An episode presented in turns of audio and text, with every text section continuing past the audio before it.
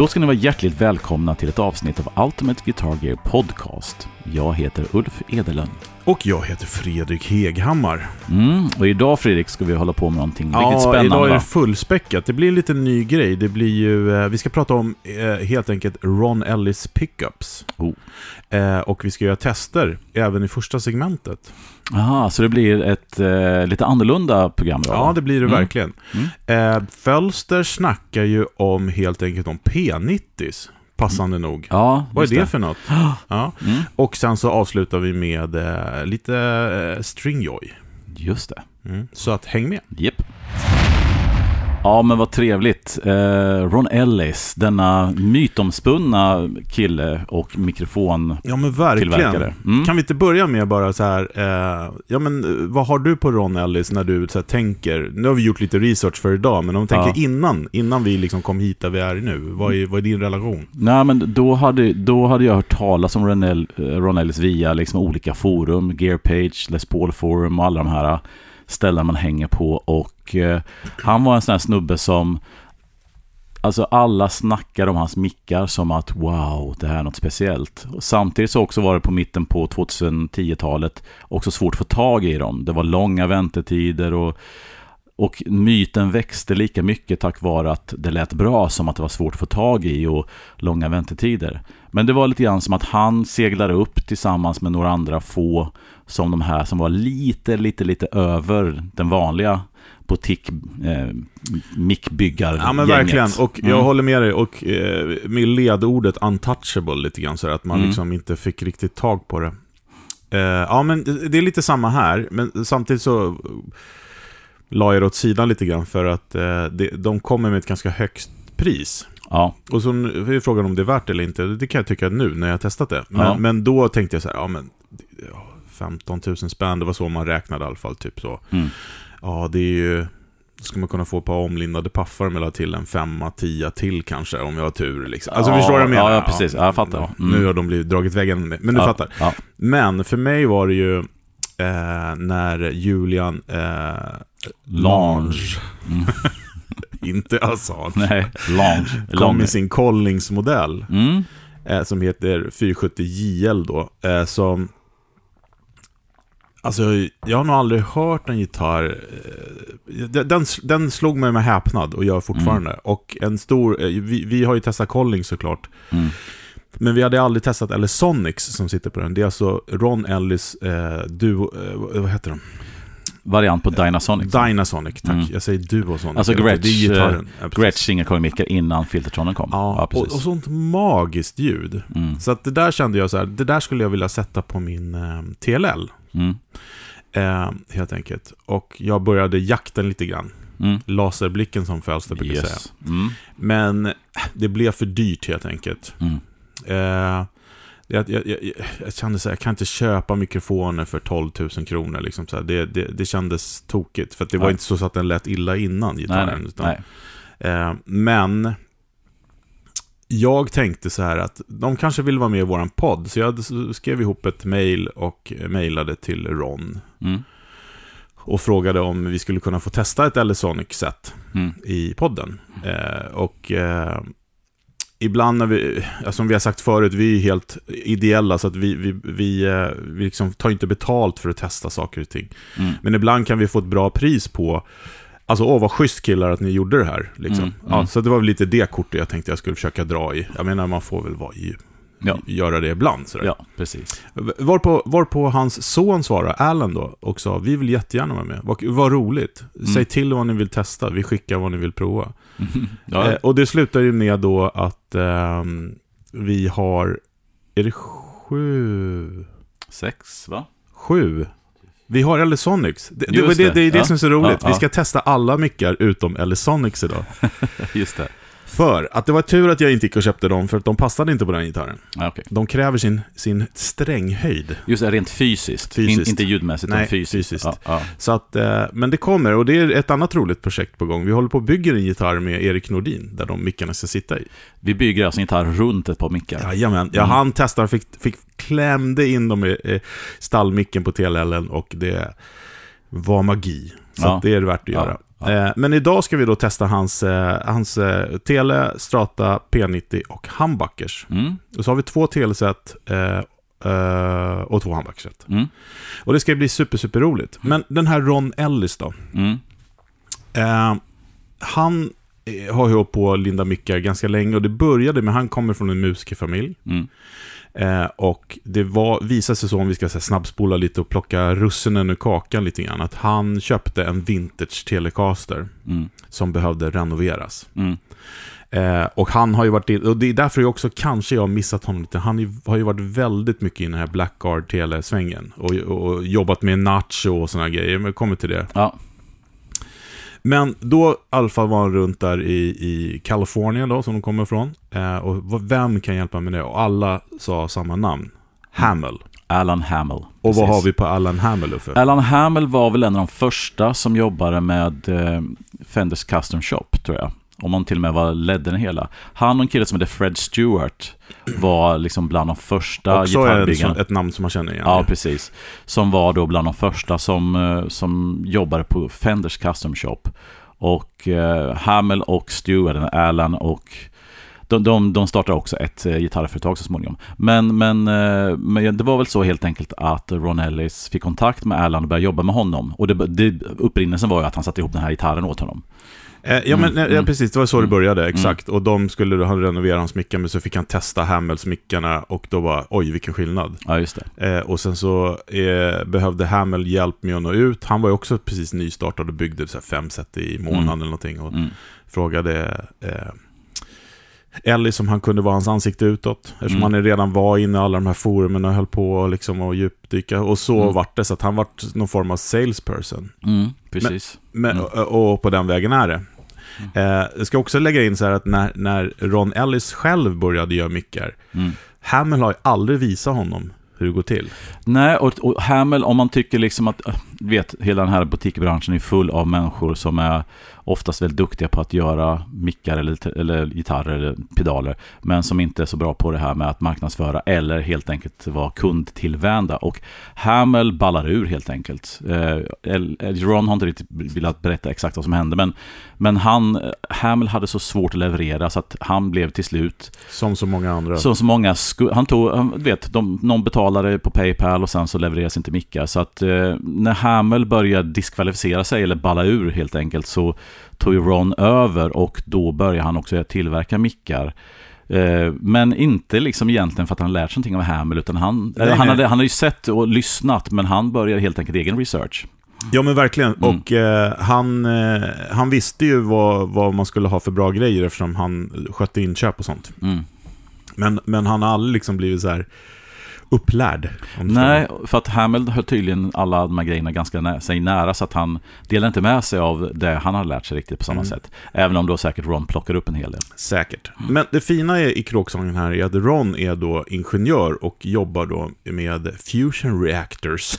Ja, just det. Ja, Någon fu- fu- fusionsreaktor i södra, jag tror det är San Diego va? Som han flyttade ja, dit. precis. Mm. Eh, och eh, där hade han tillgång till en sån här analysmaskin. Mm. Man kan köpa, sa han, jag lyssnade på en intervju med honom, man kan köpa analysmaskiner på Amazon, men de har en tolerans som är tusenfalt mindre än den som han hade. Ja, för den sån här spektrum analy- ana- analyzer va? Ja, men precis. Man och, kan- och då tänker ni, vad ska man med det till? Jo, Mm. det som är så coolt med Ron Ellis mikrofoner är att de är väldigt konsekventa. Mm. Och det är för att han analyserar allt material. Så när han höll på att labba fram då den optimala, som han började med, Blackguard-mikrofonen, Mm. då tog han gamla mickar och analyserade materialet. Så han fick exakt då vad det var för typ av eh, eh, ja, men, eh, blandningar på metallen och sådana Ja, saker. Så alltså att, Alnico, liksom just när aluminium, nickel, kobolt blandningen blev rätt då, om det var Alnico 3, 4, ja, 5. för fortfarande än idag när man så kan göra så himla exakta grejer. Han mäter upp allting och skickar tillbaks väldigt mycket fortfarande. Som inte är då Alnico 5, är inte riktigt Alnico 5. Nej. Förstår menar? Och Mm. eh, varenda detalj är då betydelsefull såklart. Materialet i skruvar, bottenplattorna och allting sånt. Han säger, kan man bygga en, en, en schysst mick med hyllprodukter? Ja, det kan man. Mm. Men inte på den här nivån. Eh, Och den säger också att man kan göra allt, alla kan göra en bra mick, men att göra hundra bra mickar som alla låter likadant är det svåra. Men, men också ska jag säga också, han, dels lärde han sig mycket av Hamel, men när han, han hjälpte ju till Nacho med den här Bl- Black Art-boken, så fick han massa mickar, både fungerande och icke-fungerande, skickade till sig. Så han kunde liksom ut från massa gamla mickar plocka fram den här informationen. Exakt, med Mm. de här analysverktygen. Ja. Eh, och det är allt ifrån så här materiallegeringar såklart, eh, men också tråden, hur inkonsekvent den är. Mm. Det är fortfarande än idag så är den väldigt inkonsekvent tydligen, som mäter upp allting innan de använder det. Mm. Eh, och, och det är tråd och det är varv och det är tensions och det är, ja men det är eh, väldigt mycket olika grejer. Och det då slutsumman av det här kan man säga är väl att man får, man får lite mer information ut från mikrofonen. Mm. Alltså det, då, det som de då i, eh, på forum kallar för 3D sound. Mhm. Ja, Att det kommer ut lite mera. Mm. Eh, man kan också styra kompressionen på ett helt annat sätt. Eh, och Ron är ju, jag har aldrig hört han spela, men han Mm. kallar sig musiker. Mm. Och det, det, det, det misstror jag inte honom. Mm. Eh, men han har ju också jobbat med till exempel jättenära Peter Stroud, som är ju, Mm vilken soundgud. Ja, men precis. Och Brad Paisley och Tom Bukovac och... Alltså hans, hans eh, om man säger så här, folk som använder hans grejer, är, den listan är ingen lek. Och det är inte bara folk som säger sig använda, utan de verkligen använder det. Och sen finns det också, har det ryktats folk som använder märken som säger sig vara någonting i, men så sitter han Ja. smickad i. Ja, vi, precis, exakt. vi ska inte avslöja för Nej. mycket där. Mm. Men jag tyckte att det var eh, en intervju som jag hörde honom, så eh, även om jag inte själv spelar tennis, så förstod jag precis vad han menar. mm. Han sa, "I- tänk er att ni spelar tennis och att när ni liksom träffar bollen på det där rätta stället i racket, Sweet spot. the sweet spot, Mm. det är den man måste hitta och det är den man måste konsekvent få fram, Reproducera, ja. Mm. reproducera i Mm. varje mikrofon. Mm. Eh, och eh, nu har ju vi en modell av varje kan man säga, men eh, ja, vi får se vad ni tycker, men jag tycker att det är en väldigt röd tråd genom allt. Ja, precis. Men vad säger du, ska vi hoppa, hoppa rakt in? Ja, det Vi har jag. liksom sex gitarrer här idag. Mm. Eh, vi har tysktelen med, Yes. eh, med deras eh, mikrofoner som vi ska gå igenom när vi sätter igång här. Vi har fått låna en strata av Andreas Rydman. Tack för det. Tack Andreas. Ja, eh, och eh, nu ska vi se, när kommer det här? Jo, men det kommer, ja, han spelar på Stampen Mm. nu i veckan, den Mm. åttonde. Mm. Eh, sen har vi, eh, och den sitter eh, 64, det vet jag, det är sådana Mm. som Doyle Bramhall the, eh, the second va? Mm. Mm. Ja, mer om det sen. Eh, sen har vi en Björk-gitarr, Apollo, med två stycken P90. Vi har en Asher med eh, Handbackes signatursättet. Vi har en din Telecaster, Blondingen, 54-replika. 55 till och med. Förlåt, förlåt. Måste vara. förlåt såklart, såklart. Vitt. Första, bla- Ja. första White Guard-året. Ja, ja, ja, ja, ja, du ser. Ja, Mm. det är mycket, mycket Les Paul just nu. Ja, ja, precis. Och sen så har Mm. vi din eh, gamla fina Les Paul med eh, LRP, alltså de som man kanske är mest känd för i Les Paul-kretsar. Precis. Eh, men ska vi börja med tysktelen? Nytt idag ska vi också säga att vi har Dreamen. Mm. Eh, och sen så har vi mitt eh, lilla flightboard, får man säga det? Carry-on board, så säger man. Ja, typ. Ja. Ett litet bord helt ja, enkelt. ja, ett med smidigt bord. Ja. Eh, med eh, en Benson preamp på som ska stå för gain idag. För vi tänkte testa rent och lite gain. Eh, ja, det är väl det som Ja. vi kommer använda helt enkelt. Eh, och du sträcker sig Ulf efter eh, eh, tysktelen.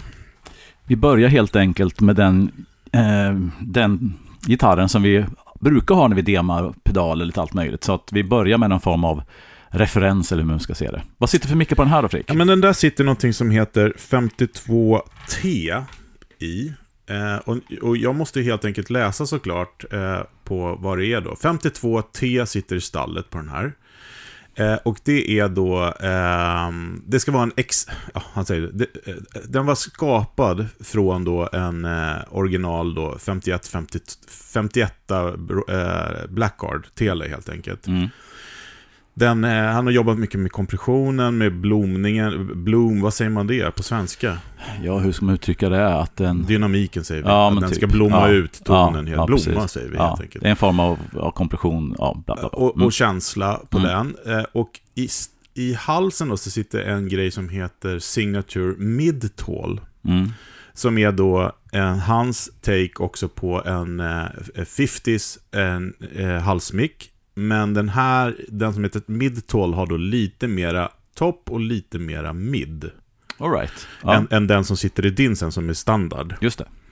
Eh, och det, det här är då, de är ute efter den där Blackguard-stilen. Ja. Eh, och för er som inte har sett tysktelen så är ju det då en Blackguard eh, replika helt enkelt. Jag ska ta ett kort Ja. när du sitter med den här. Det blir kul. Jag tar en bild när du håller upp den så kan vi liksom lägga ut det här. Så, jättebra. Eh, då ska vi tänka på, eh, vi kan lyssna hur den låter rent då först. Och det är väl Dreamen rätt in, va? Dreamen rätt in, precis. Är det stall? Stall. Mitten. Hals. Mm. Mm. Bra balans. Ja, verkligen. Och jag kan säga att jag har inte suttit med någon millimeter eh, passning på de här och satt i, utan jag satte i dem ganska rakt ner och spelade. Mm. Eh, roliga med den där, jag har ju hunnit både repa och gigga med den. Mm. Och jag kan säga att det är första gången någonsin under mina 35 år som gitarrist att jag har spelat ett halvt rep eh, och nästan lika mycket live på halsmicken på en tele. Ja, det, det kan jag också hålla med om att det, kommer vi komma till sen också. Det är en sån genomgående grej att jag alltid, jag håller med dig, jag är alltid liksom 80% på leadmicken, men med både telen och min Les Paul så har faktiskt mellanläget och halsmicken fått ny, ny uppmärksamhet tack vare den här. Men vi gör så att du spelar lite mer på det rena, mer än bara ringrackigt. Eh, och sen så byter vi över till drivesen så kan vi prata lite om vad vi känner när vi hör det.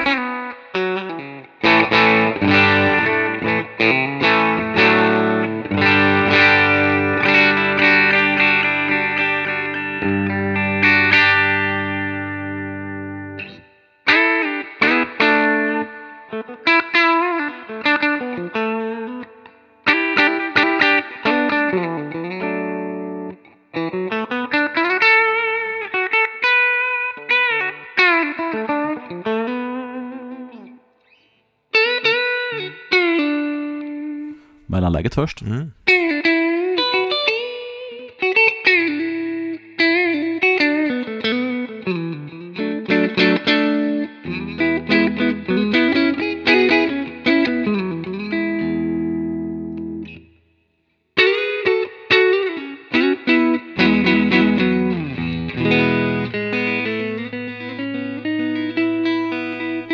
Är vi i hals nu? Förlåt, jag glömde säga, gick över till hals. Ja. ja precis.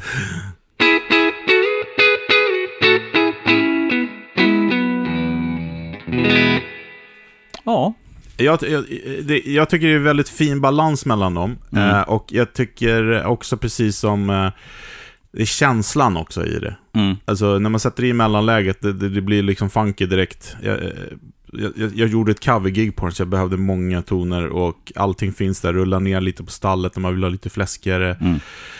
Och halsmicken eh, funkar väldigt bra. Den där har inga treble bleeds heller, men den svarar väldigt bra på upp och ner, alltså när man spelar i, i, i en, en, eh, med en förstärkare. Mm. Och, och en grej som han har jobbat jättemycket med, som jag tycker man känner när man spelar, så kanske inte är helt lätt att lyssna sig till, är just den här anslaget kompressionen som han snackar om. Verkligen. Och eh, kanske ännu mer när man kommer till humbucker sen, att det den här kompressionen, gunget på anslaget, den här sweet spoten vi snackar om, är superviktig. Eh, och det vad jag förstod när jag lyssnade på honom handlade mycket om magneterna där och vilken legering man har på dem. För att eh, det finns vissa, nu kommer jag inte ihåg vilka det var, och det spelar ingen roll heller, vissa typer av magneter som helt enkelt inte klarar av informationen när man fläskar på. Mm. Eh, och det gör den där. Det som också kan jag säga, som är uteslutande på alla modeller vi har testat nu, det är en väldigt tydlig topp som ligger. Ja, men det blir aldrig vasst. Ja, just det.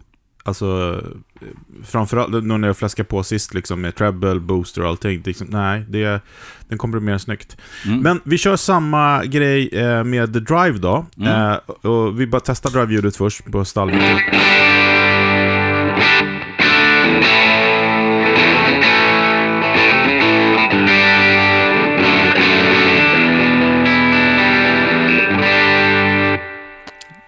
Det är leadmicken. Ja.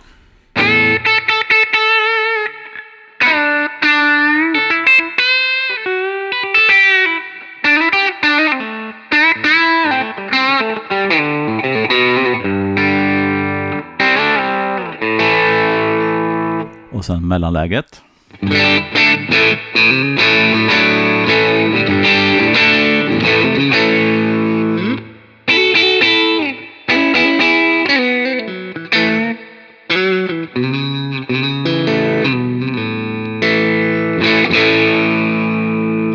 Sen så halsmicken.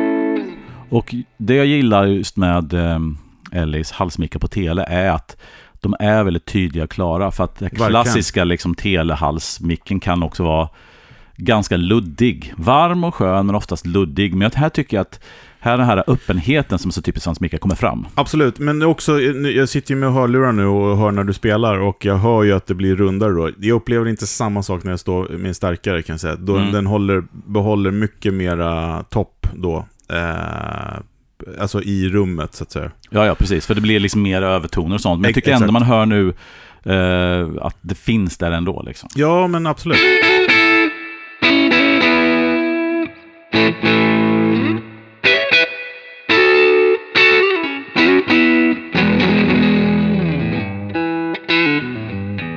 Kan man föra stallen igen? Stallet?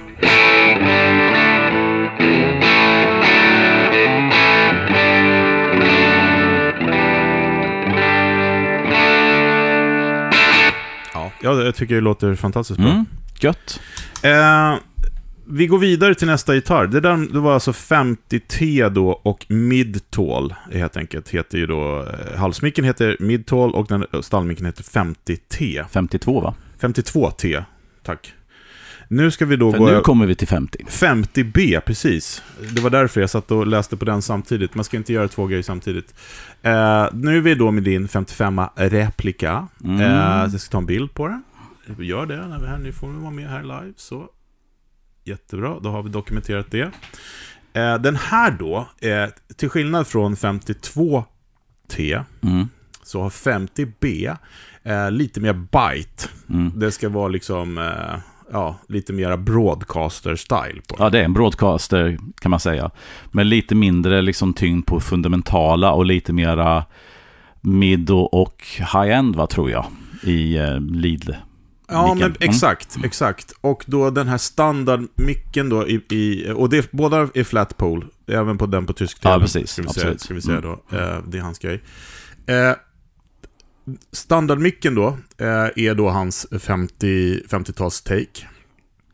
Eh, och den, den liksom ska då, som precis som det här, varm och, men klar. Mm. Liksom. Och en djuphet då, som passar väldigt bra ihop med, med, med de här stallmickarna helt enkelt för att få den här grejen. Eh, och de här mickarna som vi testar nu, som också står i, då rekommenderar de för när man ska göra så här restoration project, så de är ju väldigt lika hur gamla mickar är. Mm. Resten som låter annorlunda är ju gitarrerna. Ja. Om ni förstår vad jag menar. Ja. Det här är i princip samma gitarr, den askkropp och lönhals och eh, väldigt lik eh, tysktelen men ändå en annan gitarr. Den är lite lättare va? Är det inte det? Pyttelite? Ja. Ja, kanske det inte är. Kanske inte. Nej. Den låter i alla fall så här, här leadmicken på rent då va? Yes, yes.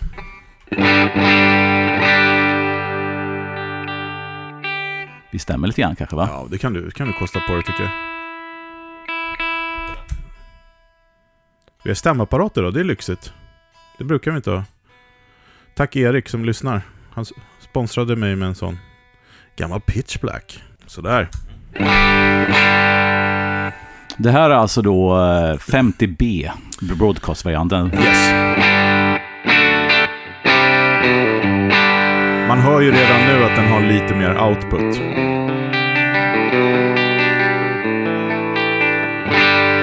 Och vi, vi rör inte inställningarna emellan, så det här är då rena ljudet så att säga. Och sen mellanläget.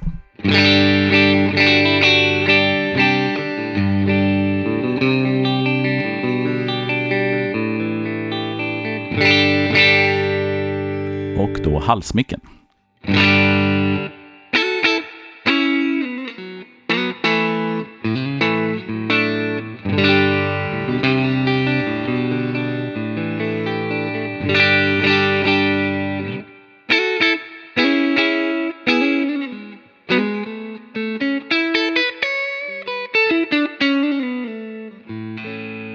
Yes. Mm. Jag tycker det man upplever skillnaden mellan gitarrerna är, är precis så som gitarrerna låter akustiskt. Den där är lite rundare Mm. i soundet.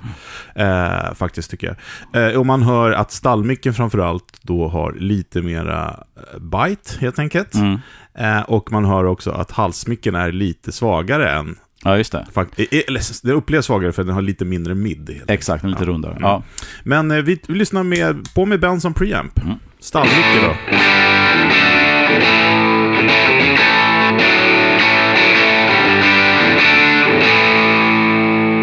Yeah. yeah. Mm. Coolt.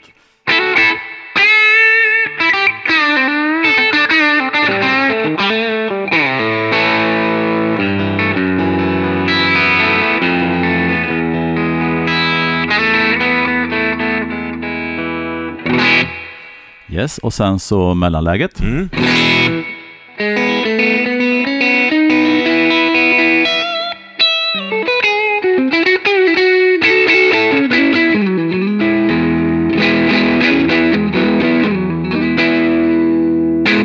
Ja, asschysst. Verkligen.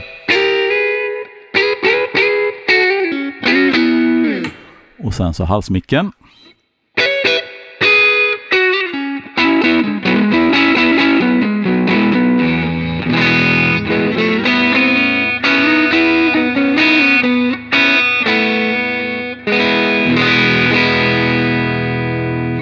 Jag gillar den där. Alltså den, är, den halsmicken är ju... Ja, men eh, det låter Det- fantastiskt bra. Den har blivit ett stort lyft på den här gitarren kan jag säga. I och med att eh, den gamla micken, eller faktiskt då det som satt innan på den var faktiskt ett Hamel-set. Det är det som är så roligt, eller hur?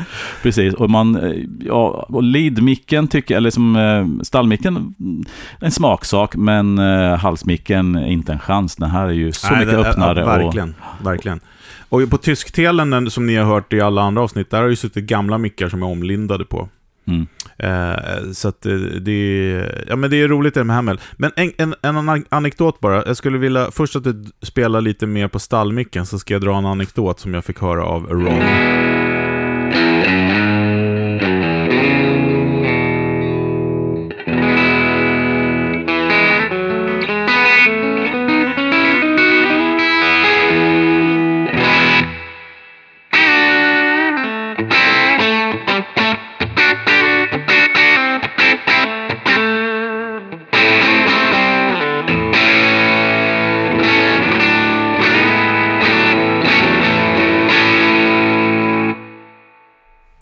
Magiskt bra tycker jag. Eh, Mm. jo, det var det här. Vi brukar säga att en bra tele ska låta som en Les Paul, en bra Les Paul ska låta som en tele. mm, Men då kan man säga så här att om man ska eh, dra ner ännu mer, en, en bra eh, stallmick på en, eh, en eh, Blackguard stallmick mm. låter väldigt likt en gammal Puff. Ja, alltså det, det finns väldigt mycket liksom beröringspunkter där Ja, faktiskt. och då berättade eh, Ron att han hade varit och levererat en gitarr till, eh, eller låtit testa, eller hur det var, till Joe Walsh. Mm, Som hade stått och liksom, inte sagt något utan bara spelat typ ganska länge. mm, Sådär. Och sen när han var klar så sa han bara Ja, eh, och nu är det ju så som man säger att en, en gammal telemix ska låta som en Puff. Och hur Mm. lika de är, sa han. mm, mm. Eh, så att eh, det ligger någonting i det. Jag tycker att den där stallmicken har Puff-kvaliteter. Mm. Sen är det andra gitarrer som gör att det låter annorlunda Ja, ja. och positioner hit och dit. Det är inte det jag menar, men kvaliteterna Mm, mm. är ju det här luftiga men ändå att det finns ett tryck bakom hur midden ligger. Och så. Ja, jä- jävligt nice tycker jag. Ja. Ja, men coolt. Det var, det var telemickarna. Då går vi över till Strata. Yeah.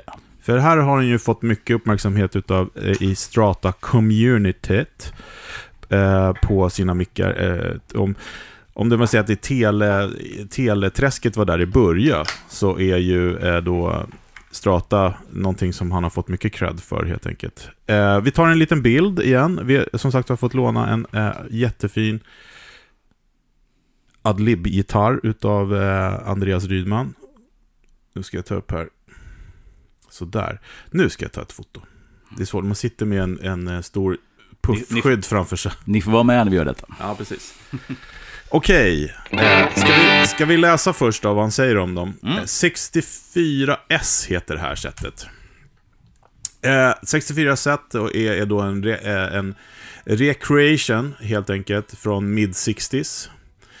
Eh, de ska vara, har jobbat med klarheten och bell-like tone. Det har vi hört förut, eller hur? För när man beskriver att det ska Mm. låta som eh, Mm. piano, liksom, eller när man slår till en tangent sådär. Bra eh, klarhet och notseparation. Eh, och det tycker jag väl att den lever upp till. Eh, och vill man höra det här i action så kan man bland annat lyssna på eh, ja, men Doyle Bramhall, tycker väl jag är den favoriten här. Men det är många, många som Lance har. Keltners eh, huvudstrata har ju... Erik Johnson, Mm. eh, Ariel Posen, eh, ja, det finns massa. Pelle Almqvist, det är lite roligt att, att det står med på roasten här. Pete Thorne och alla sådana här, Rob McNally och, ja, fy fasken. Eh, men eh, vi börjar med stallmicken då på eh, rent helt enkelt. Yes. Det låter så här.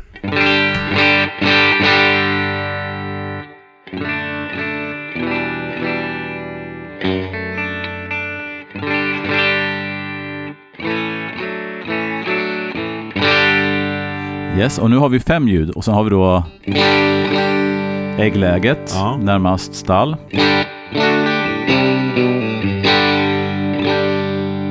Mittenläget.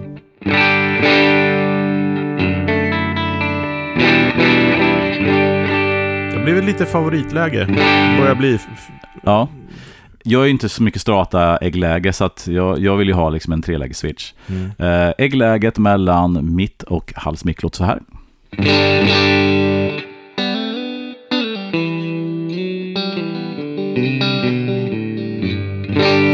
Ett måste när man spelar funk. Mm. Och så halsmicken då.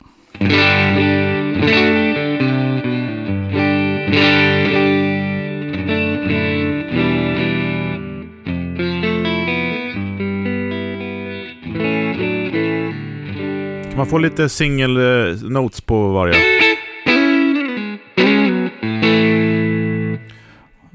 Äggläget. Mitt.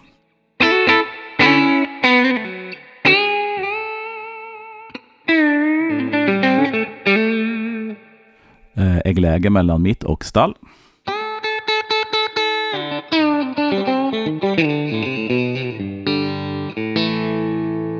Och så stall.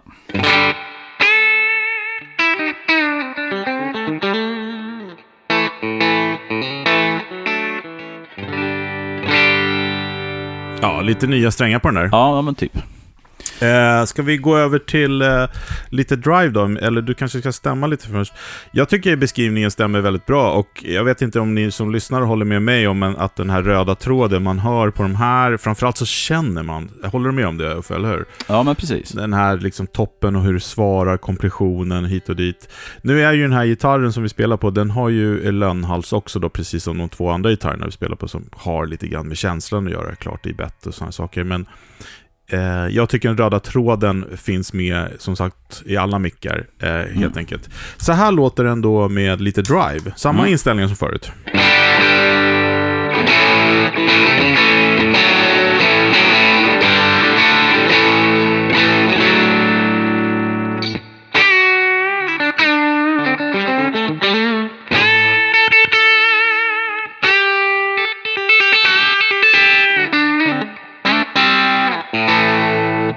Äggläge.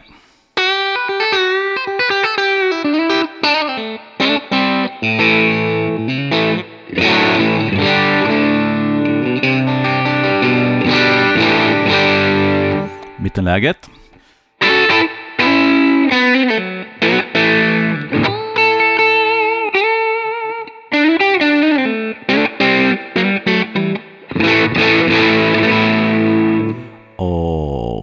Vilket håll kommer jag ifrån? Ja, just det. Hals Ja, just det. Nej, men jag ska, mitt, eh, är det mitt? mitt eh, äggläget mellan mitt och hals. Ja, okej.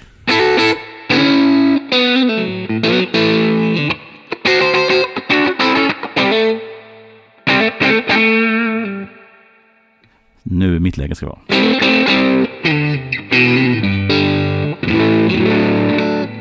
Fick vi aldrig höra hals? Nu kommer hals.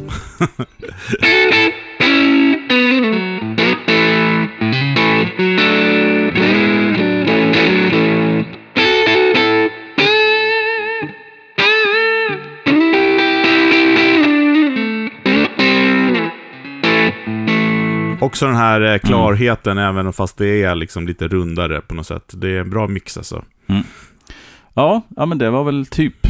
Ja, Hur känns det att spela Stratocaster? ovant. jätteovant. Det är inte... Åh, det är inte riktigt min grej kan jag säga. Kommer i vägen hela tiden och ja, jag vet inte. Mm. Ja, men, eh, men ni fick i alla fall ett litet hum om hur det låter, Ja. helt enkelt. Eh, jag tycker vi går vidare till P90, helt enkelt. Eh, och medan Uffe byter gitarr eh, så ska jag säga att de har två stycken P90s. De har då eh, traditionell P90 som det här är som vi har nu. Och så har de den här Ellisonic-micken som jag pratade om. Finns också P90-format. Vilket är kul om man vill ha det unika soundet som den kan bjuda på. Eh, och det här då ska ju du helt enkelt försöka fånga eh, ja, men klassiska 50-tals P90-ljudet. Eh, det ska vara mycket harmoni, det ska vara lite hår på toppen. Ja, men det här klassiska. Nu ska vi säga att nu sitter den här i den här Björk Apollo-gitarren som inte har klassisk eh, mahognykropp. Mm. Och den har också en ebenholtsbräda. Ja. Alltså det gör ju lite grann på ljudet. Men i övrigt så, så är, låter ju mickarna eh, ja, men det är så här helt enkelt. Ska vi börja med stall rent? Stall rent här.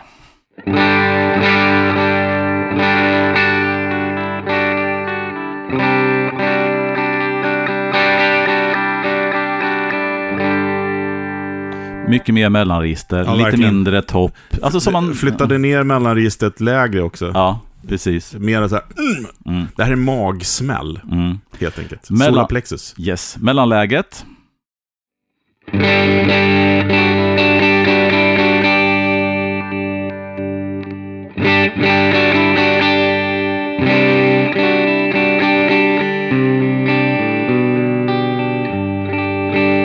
Och halsläget. Yes.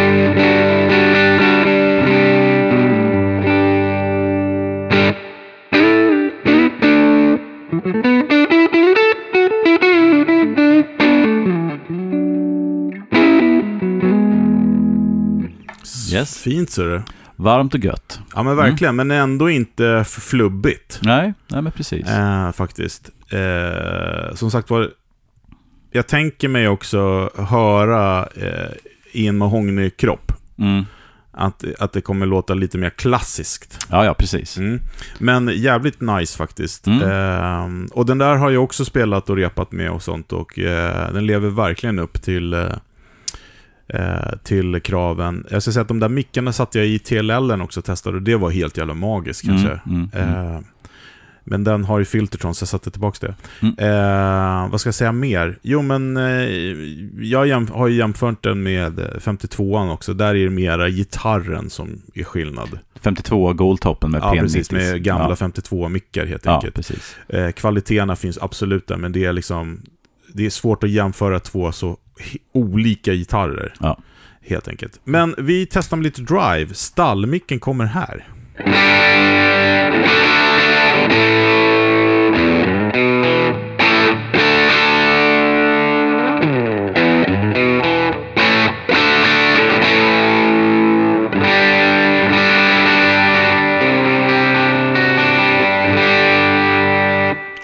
Take my money. Ja, ja men alltså det är klockrent. Mm. Eh, mellanläget.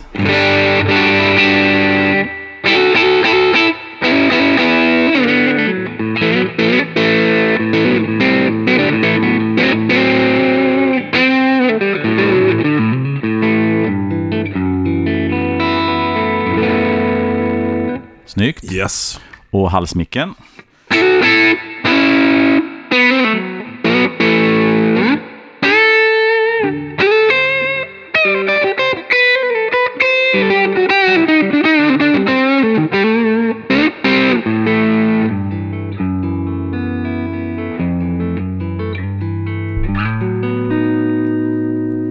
Yes. Alltså, Man spelar hårt, löst. Väldigt- Dynamiken finns där. Väldigt, Liksom. det, är på alla tycker jag. Ja, Men ännu mer i den här. ja. Eh, jag ska säga en sak. Eh, den här gitarren har ju bara en volym och en ton. Mm. Eh, vilket eh, är jättebra eh, och sådär. Men de här två mickarna, alltså man vill ha två ton och två volym. För att det går att göra så många mellanljud när man blandar in dem hit och dit. Alltså, det är det som är magi med P90 tycker jag. Mm. Alltså mm. man tar mellanläget och så drar du ner lite halsmicken lite. Mm. Och då ändrar du tonen lite grann och det är inte bara att den blir basigare, utan snarare tvärtom. Vi har kommit till ett visst läge, då flyttar man midden bara på Mm. Alltså det Ja. måste upplevas. Ja. Eh, och det går ju inte med, med den konfigurationen just nu då, men, men Mm. eh, det, ja, det är häftigt. ja, P90, ska vi gå vidare? Ja, men vi får nästan göra det, annars kommer Mm. det här ta, eh, bli hur långt avsnitt som helst. Men nu går vi då över till eh, Les Paulen. Eh, och då ett sätt som heter LRP. Och vad står LRP då för? Jo, det står ju för eh, Leroy, eh, eh, vad heter han? Leroy per, per, Purnell. Purnell. Leroy Purnell. Precis. Eh, som också i, vi skulle ha nämnt i storyn i början där, för det här var ju också ett genombrott för honom, att han jobbade med Gibson på då Leroys, eh, på hans eh, signaturgitarr. Ja, en 50, alltså en Goldtop. Och det här var 2012 tror jag. Och då eh, blev han... Och jag, jag, tror att hans, jag tror att idén med hela var att replikera det soundet som Dwayne Allman hade på sin... Då inte någon Burst, utan han hade också 57. en 50, 57 Goldtop. Mm. Eh, så att, och eh, Leroy Purnells eh, signatur från 2012 var också en Goldtop. Så att, Mm. och då, därav LRP, Leroy Ja, Purnell-namnet. då. och vi kommer till eh, Goldtop som också även då är, är Rons egna favorit som då ligger till grund för hans signaturset som är det sista vi ska testa. Mm, mm. Eh, men här har vi då en mer traditionell Les Paul framför oss. Vi tar en liten bild. Där är den. Hej på dig. Så. Eh, och mickarna som sagt var. Eh, ja, det ska vara liksom Vintage eh, Accurate Replica, helt enkelt. Ja. De tidigaste eh, patent applied for. Jag tänkte på det. Nu ska vi inte göra det, för att vi bestämde när vi gjorde det här avsnittet, vi ska inte jämföra. Nej, Annars hade vi kunnat tagit min Goldtop, för den har ju exakt de här mickarna som de har Mm. försökt... ja, Inte exakt. eh, eh, Den har sådana mickar, ska vi säga. Ja. De här utan patent sticker 57, helt enkelt. Det hade varit spännande att testa.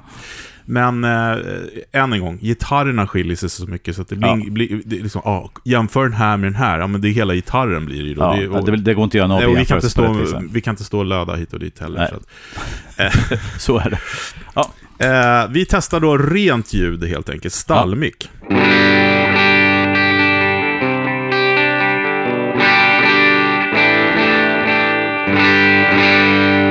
Alltså det det jag säger, det är inte helt olikt stallmicken i din tele. Nej. Den har toppen... Lite mer fett. Ja, men precis. Ja, det, och, Det är nog gitarren mer tror jag. ja. Alltså jag ska säga att den här gitarren som jag spelar på nu har haft då i säkert tio år riktiga paffar. Och sen så hade vi också sista tiden suttit Montis i som Ja, har varit skitbra också. jättebra. Men när jag fick på de här mickarna var det lite grann så här, okej. det känns lite grann som de här gitarrerna hamnar på plats. Det är till och med så att jag inte vill sätta tillbaka paffarna i den. Utan det här, Eh, Den låter mycket bättre. ja precis, den här liksom blev, hamnar på plats helt enkelt. Mm.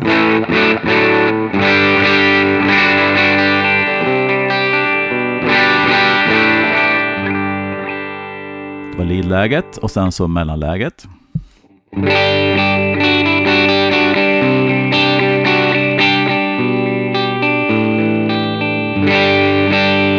Också skitsnyggt. Verkligen.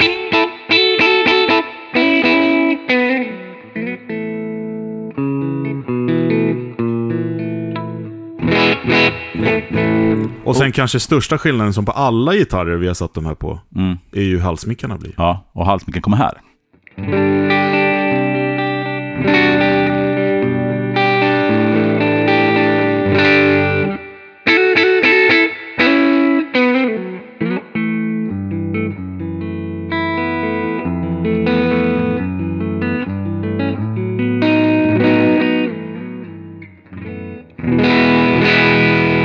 vet inte om du håller med mig, men mm. visst, visst låter halsmickarna lite rundare på inspelningen nu än vad de gör när man spelar på en starkare. Ja, det känns som att det inspelningsriggen vi har nu rundar till och komprimerar ännu mer än vad det gör liksom när man spelar Mm. ut. Men jag tror det beror på liksom hur... Ah, ja, men det är en referens Ja, helt enkelt. Exakt. Men du, eh, mellanläget och dra ner halsmicken lite grann, eller blända in den rättare sagt. Här är här, allt på fullt här då. ja.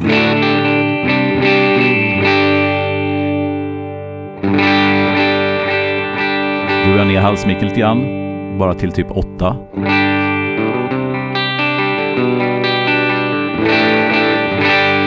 Upp igen på 10. ja, det är... Och igen.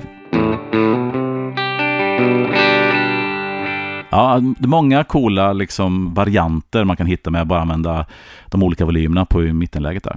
Jag tycker de här mickarna... Eh, vi, vi, eh, vi testar Drive också, Mm. stall, och så ska vi prova det där tricket också med Drive sen. Men eh, då kommer med Benson Preamp på då.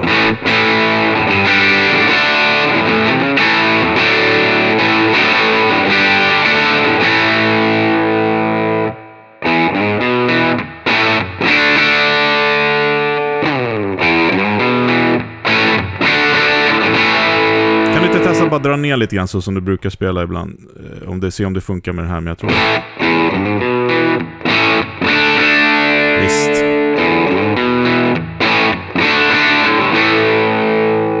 Och nu är jag nere på 7 på leadmicken.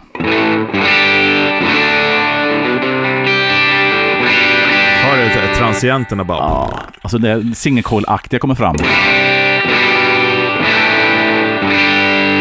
10. Kompressionen kom tillbaks. Och ner på 7 igen. Oj. Ja, det är magiskt. Och ännu längre ner. Nu är jag nere på... Nu är jag nere på 3.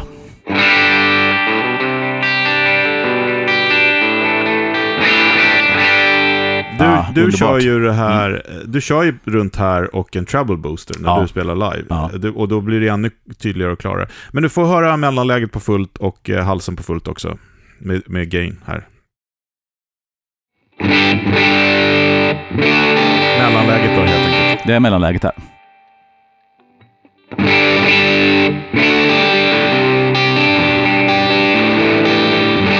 Om du då sänker då eh, halsmicken lite grann.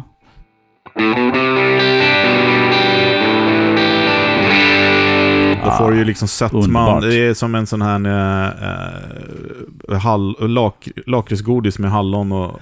Alltså allt på en gång. Precis. Nej, men alltså, och sen så...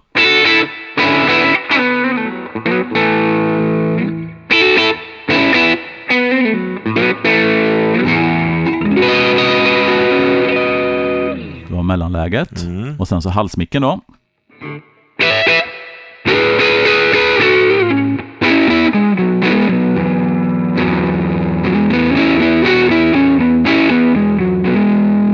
Sänker volymen lite grann på den. Till typ 7. Cleanar den upp och eh, tajtar till sig lite grann. Mm.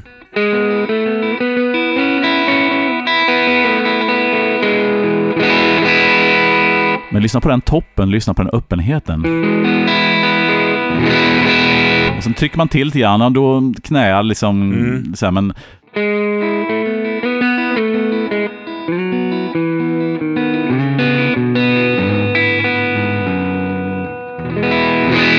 Ja, det är mumma. fantastiskt. Ja. Mumma. Fan vad nice. ja. Eh, eh, vi måste gå vidare till Ja. nästa gitarr helt enkelt. Och den sista ut idag blir då Ron Ellis Signature eh, handbacker. Och vad är det då, tänker ni? Ja, men om LRP är då ett samarbete mellan honom och Leroy Purnell, Purnell, per, Purnell, ja, LRP helt enkelt, Mm. så är Eh, det här då hans eh, helt enkelt egna take när han utifrån sina öron får liksom göra en mikrofon. Och han då kommer ju som vi, som vi sa från Telecaster-hållet. Det är liksom han är en te- teleman som han säger själv. Så att det är väl inte konstigt då kanske att den här micken är, är mer åt det hållet. Och det var nämligen så att han hade någon granne som hade någon 57a Les Paul Goldtop med gamla mickar som han var så kär i. Och jag förstår precis vad han menar när en humbucker låter som en telecaster igen då. Vi tjatar om det där, men det är någonting i det. Det är det, det, är det här, istället för det här runda, mahogniga, woody hit och dit, så mm. är trä, trägrejen kvar, det, det mjuka är kvar, men man har liksom det distinkta kompressionen och anslaget och, och klarheten. Mm. Eh, som, som, som jag förknippar med Puff, men många tycker att Puff-ljudet är kanske mera, eh, eh om man tänker throwback-mickarna till exempel som är svinbra, mm. de har ju mer åt det som jag tror att gemene man tänker på Puff. Mm. Medan Ron Ellis mickar är mer Puff. Ja, alltså förstår, ja, ja, förstår vad jag menar? och vi, vi har ju massa gitarrer inne med olika eh, Puff-mickar. Och alla mm. har sin flavor och det finns inget rätt eller fel. Jag bara säger att det här luftiga, distinkta, ljud som aldrig blir vast, aldrig tappar kärna och sånt så är de här, jag är lite frälst faktiskt. Mm. Ja men eh, ni hörde liksom Les Paul hur den lät liksom. Men du skulle lyssna på Asher va? Ja men precis, och ja. då ska vi se också att det här är ju en lite speciell gitarr. Det, den är ju mer som en Firebird. Mm. Det är mm. genomgående hals, alltså ända ner till eh, liksom axelknoppsbandet, eller vad som är axelbandsknoppen, så heter det. Yes. Eh, och eh, ja men vi lyssnar på den helt enkelt. Mm. Den är, det, jag ska säga att den är ganska sprillig i tonen som den är. Eh, och signaturmickarna låter så här då, rent.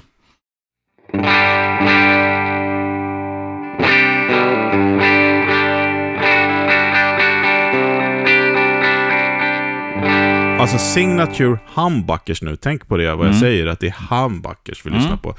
Och att man hör ju redan att de är lite klenare helt enkelt också. Mm.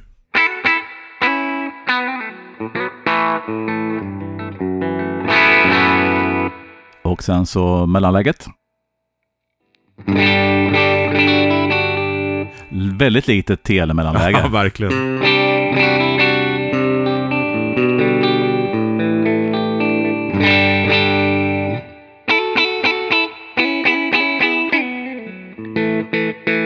Yes, och eh, eller vad säger jag? Hals. Hals.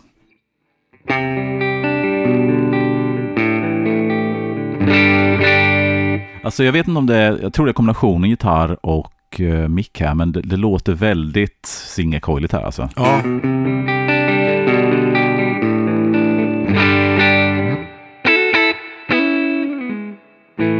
Men micken i sig är ju byggd för att låta som en, lite mer som en stor singelcoil. Ja. Sen så, än en gång då, den här gitarren är också pingig i sig själv. Ja, det blir, det blir liksom... Sen när jag hade, ja. jag hade Ox4 på den där innan som är mer då det här, som jag sa, hur klassiska paffar mm. folk tycker att det låter som lite rundare, lite aggressiv, inte aggressivare, men lite mer så här. Mm. Och då hjälper den här gitarren att göra dem mer singelcoil-lika. Ja, precis. Eh, och nu blir det lite kaka på kaka. Men mm vi ska slänga på lite drive här så ska vi få höra, för då tycker jag de kommer till liv lite grann. Uh, vi tar stallet först då. Mm.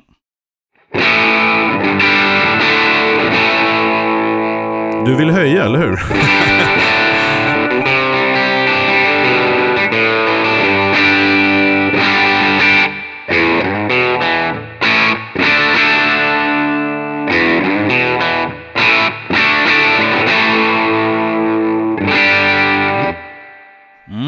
ja, men, ja, jag har inte rört några inställningar. Alla Nej. har samma inställning. Så man mm. hör ju att de är mycket klenare helt enkelt.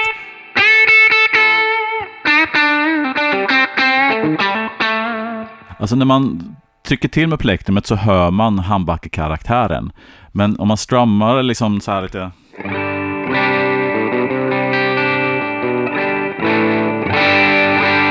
Och, alltså den kommer fram mer med, med dist, det är ja. inget snack. Mm. Eh, mellanläget då? Det är som att man har bytt gitarr nästan, eller hur?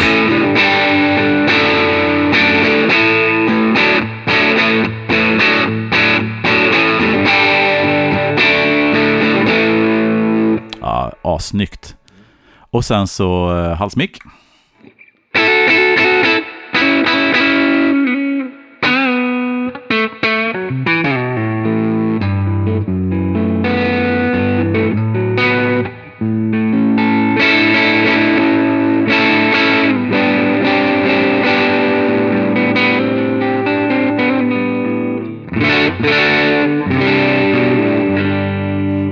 Sänker volymen på halsmicken lite grann till typ 8.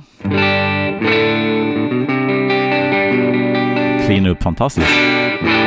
Det som, det som jag tycker är roligt när jag sitter och lyssnar, eftersom det är Uffe som spelar, och vi ska ta ett kort också på den här, men, men eh, det är ju att, att det låter eh, redan som att när du spelar på fullt, så låter det som att du har dragit ner till sju. Förstår du vad jag menar? Ja, men lite grann så. Lite grann så. Ja. Ja, så att den är liksom... eh, Här är då halsmicken på fullt. Drar ner till just 7.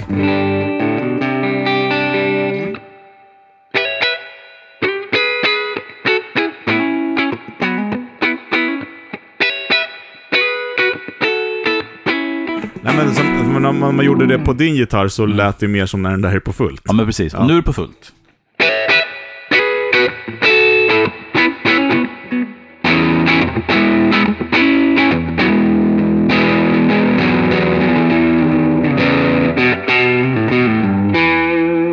Ta stallet då och gör samma sak.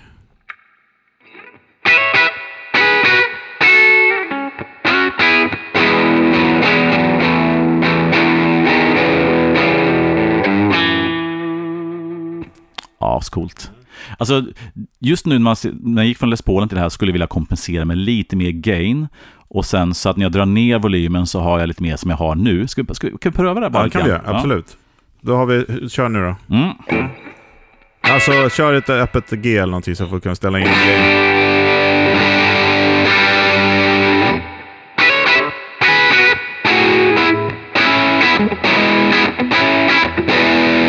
Det var fullt och sen sänker då till typ 7-8 på...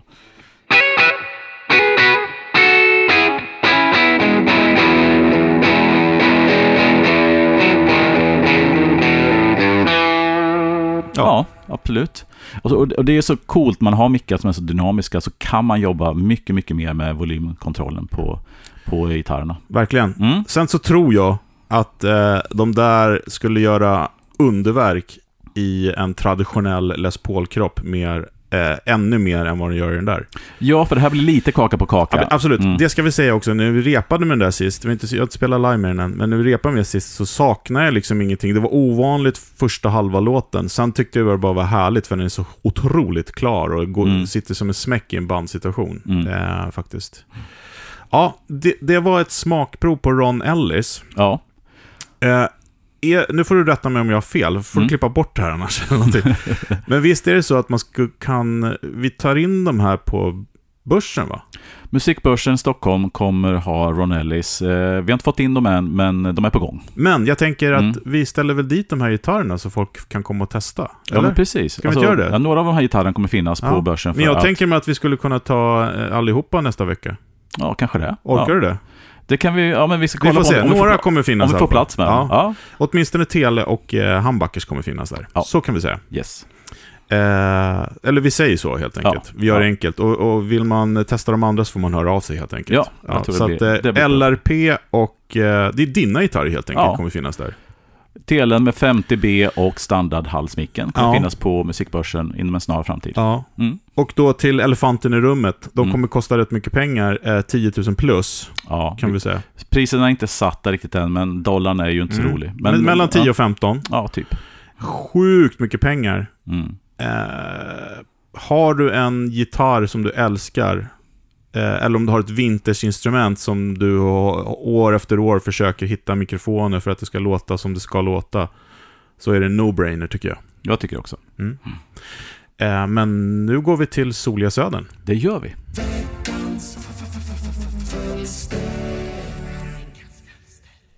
Alright, då kör vi veckans fölster. Och då veckans avsnitt cirkulerar mycket kring mickar så tänkte inte jag vara sämre och därför snacka lite om P90s. En av de mest klassiska micktyperna. Den togs fram av Gibson och blev standard i alla deras elgitarrer mellan mitten på 40-talet och 1957. Det är en single coil med ganska olik konstruktionen jämfört med en Fender single coil. Om det nu ska vara den typiska single coilen. Men det kan man ändå säga att den är. Där Fender har en liten magnet under varje sträng så har en P92 större stavmagneter som ligger längs en rad av skruvar som sitter monterade under strängarna istället. Eh, så det som man brukar kalla för pole pieces på engelska är då i P90-fallet inte magneter utan det är skruvar. Precis som på en humbucker sen. Eh, för så är det väl på humbuckern. Fy fan vad dåligt. Jo, men det är klart det är så på humbuckern. Eh, P90 är fysiskt mycket större också. Och även soundet skiljer sig rejält. Mindre topp än sig i en strata-mick, men istället ett ytterst potent mellanregister som ligger helt rätt där man vill att en gitarr ska låta. Speciellt skulle jag påstå med lite skitigt sound, då de där honkiga frekvenserna i midden passar så bra med overdrive. Fast P90 låter väldigt bra rent också. Det är en fetare och lite mer fokuserad singelcoil med en hel del glitter, om än inte riktigt lika öppen som vissa andra designer. Jag har aldrig ägt en gitarr med P90s, men jag har alltid gillat soundet och varje gång jag testat så har jag liksom, ja men då, jag, jag fastnar. Eh, vissa grejer har man bara inte hunnit ha här hemma i stallet. Var sak har sin tid. Och jag har förhoppningsvis tid över att ge mig ner i P90-träsket rejält framöver. Eh, det är något lite råare med dem som är så härligt. Som sagt, jag har tänt till på alla P90 jag testat. Till skillnad från till exempel Humbuckers där jag är PT och ofta kan uppleva dem som instängda och döda. Om man inte hittar rätt modell. P90 i alla prisklasser på alla gitarrer i alla prisklasser som jag har testat har alltid låtit bra. Eh, och jag ska inte sticka under stolen med att jag spanat en del på Epifons lite uppfräschade, eh, uppdaterade lineup med flera coola P90-gitarrer. Både med en och två mickar. P90 klev ner från tronen som standardmikrofon på, hos Gibson 1957 då Puffhambuckern lanserades. P90 förpassades då till de lite billigare modellerna. Les Paul Junior, Les Paul Special, senare SG Junior Special. Eh, vissa ES-modeller, till exempel 330, vissa non-reverse Firebird senare under 60-talet och så vidare. En kul detalj kring P90 och humbuckers är att Seth Lover eh, hade arbetsbeskrivningen när han skulle ta fram humbuckern eh, att fånga soundet från P90 men ta bort brummet. Man var så nöjd med soundet och ville behålla soundet från P90 precis som det var. Man ville bara inte att den skulle väsna så mycket. Eh, hur mycket skiljer sig P90 mot Puff-style humbuckers rent soundmässigt då? Eh, jag skulle spontant säga en hel del och att Set Lover inte riktigt prickade målet. Men jag vet att Fredde grävt djupare på det här området och jag tänker att han skulle kunna utveckla lite här. Kanske är de inte så olika ändå. En annan intressant och kul grej är att det finns två olika designer av P90s som konstrueras och monteras lite olika. Dels som så kallade soapbars som sitter monterade med två skruvar genom mickens kropp och kan justeras upp och ner med hjälp av dem. Tänk till exempel Les Paul Goldtops från 52 till 57, eller 56 kanske. Nej, någonstans under 57. Sen har vi Dog Ear som monteras direkt på toppen av gitarren med två skruvar genom öron på mickens sidor. Det går inte att justera höjden på de här utan att lägga in shims. Tänk till exempel Les Paul Junior eller 330s. Det sägs att Dogger har lite mer punch på grund av att de skruvade rätt i gitarren. Men jag får lite erfarenhet för att säga något på det här området. Vad säger ni lyssnare, Fredrik Uffe? Och vad har vi för favorit? Eh, P90 Sounds från gitarrister vi älskar då? Eh, ja, kommer jag nämna Neil Young? Ja, det kommer jag. På hans Old Black så har han P90 i halsläge. Eh, det är väl inte den som används mest, men när han använder den så brukar det vara att, att det är lite så halvskitigt, lite komp. Inte ovanligt att han spelar lite med tummen. Och det blir nästan lite akustisk kvalitet. Och det vet jag att jag har hört någon annan säga också, just att P90, om man rattar dem rätt, kan liksom nästan efterlikna en akustisk. Med jävligt god vilja, ska väl sägas. Favoriten Mike McCready i Pearl Jam. Han har en Les Paul Junior. Double Cut, TV Yellow från 59 som för mig är en favorit i hans gitarr-lineup, som alltid låtit svinbra. Kommit och gått lite genom åren, men när den dykt upp så blir jag glad för det låter, det låter piggt och det sticker igenom mixen. Och den är sjukt snygg också, lite så torrt eh, plektrumskydd. Jason Isbells bästa sound sista åren tycker jag har varit en Goldtop 53 med Bigsby monterat av Larry Craig, Nils klassiska tekniker, som även satte ett Bigsby på hans gamla Goldtop, som numera är svart då, Old Black. När han kör den Jason Isbell alltså. Stallmick, öppna och plockade ackord, lite så halvskitigt, typ låten Outfit. Då är det så bra det kan bli rent tonmässigt. Jag ska länka det i veckan. Otroligt bra sound. Ja, Fredrik och Uffe, kan inte ni berätta om er relation till P90s? Inte helt oproblematisk kanske, Uffe? Eh, och ni som lyssnar såklart, ni får också berätta om er relation till P90s. Visa upp era P90-guror. Berätta om favoritmickar och berätta gärna om ni tycker det finns en ljudmässig skillnad mellan Soapbar och Dog-Ear. Ja, vi hörs ju på sociala medier. Ni vet var vi finns. Facebook, Instagram, Podbean och YouTube. Så hörs vi nästa vecka också. Ha det riktigt gott på er. Hej! Ja, Fölster med dina inlägg. Eh, P90s. Ja, men precis. Ja. Och, och det finns egentligen inte så mycket att mer att lägga till om eh, det. Det är en fantastisk mikrofon Mm. som jag tror vi har nämnt det tidigare, jag ser en renässans i det här ljudet. Det- Jag tror att det har flera aspekter. Ett är att vi börjar nu spela med slutna system live. Du Mm. är in ear så hit och dit. Så att, Mm. eh, för det har varit ett, ett aber med eh, ström och ljus och sådana saker, störningar. Ja, de brummar mycket helt enkelt. Exakt. Eh, Men det är också det som gör att man får hela Ja. Mm. på något sätt. Eh, och lite lustigt som Fauste sa där, att de, de första humbuckersna var ju faktiskt eh, med uppdrag att de skulle låta som paffarna. Mm. Eh, jag har gjort ett videoklipp där jag jämför paffar med eh, mina 57-paffar på Goldtoppen med 52 Goldtoppen med, med P90s. Mm. Mm. Den kommer vi, kan vi länka till så får man höra själv. Man hör ganska tydligt hur midden flyttas framförallt. det är det. Ja. Eh, sen ska jag säga det här med dog ear och sådana saker. Att den skruvas i kroppen och inte skruvas i kroppen och sådär. Båda mickarna skruvas ur kroppen. Eh, men ena brukar kanske ha lite någon skumgummi eller någonting för att den inte ska ramla ner. Mm. Mm.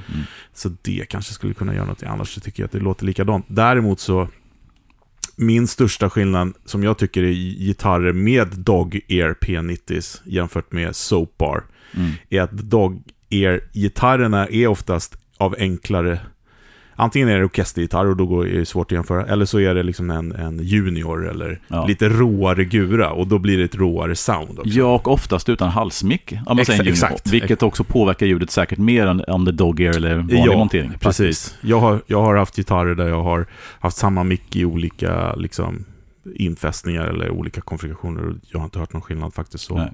Nej, men alltså P90 är ju, för min del är P90 en svår mick. Jag, jag, jag har ju haft P90-gitarrer men jag har alltid lyckats sälja dem för att jag har inte landat i dem. Men eh, jag har lite gas på en SG special tack vare Tom Bukovac. Som då har lagt upp eh, massa videos på sin eh, 61 SG va?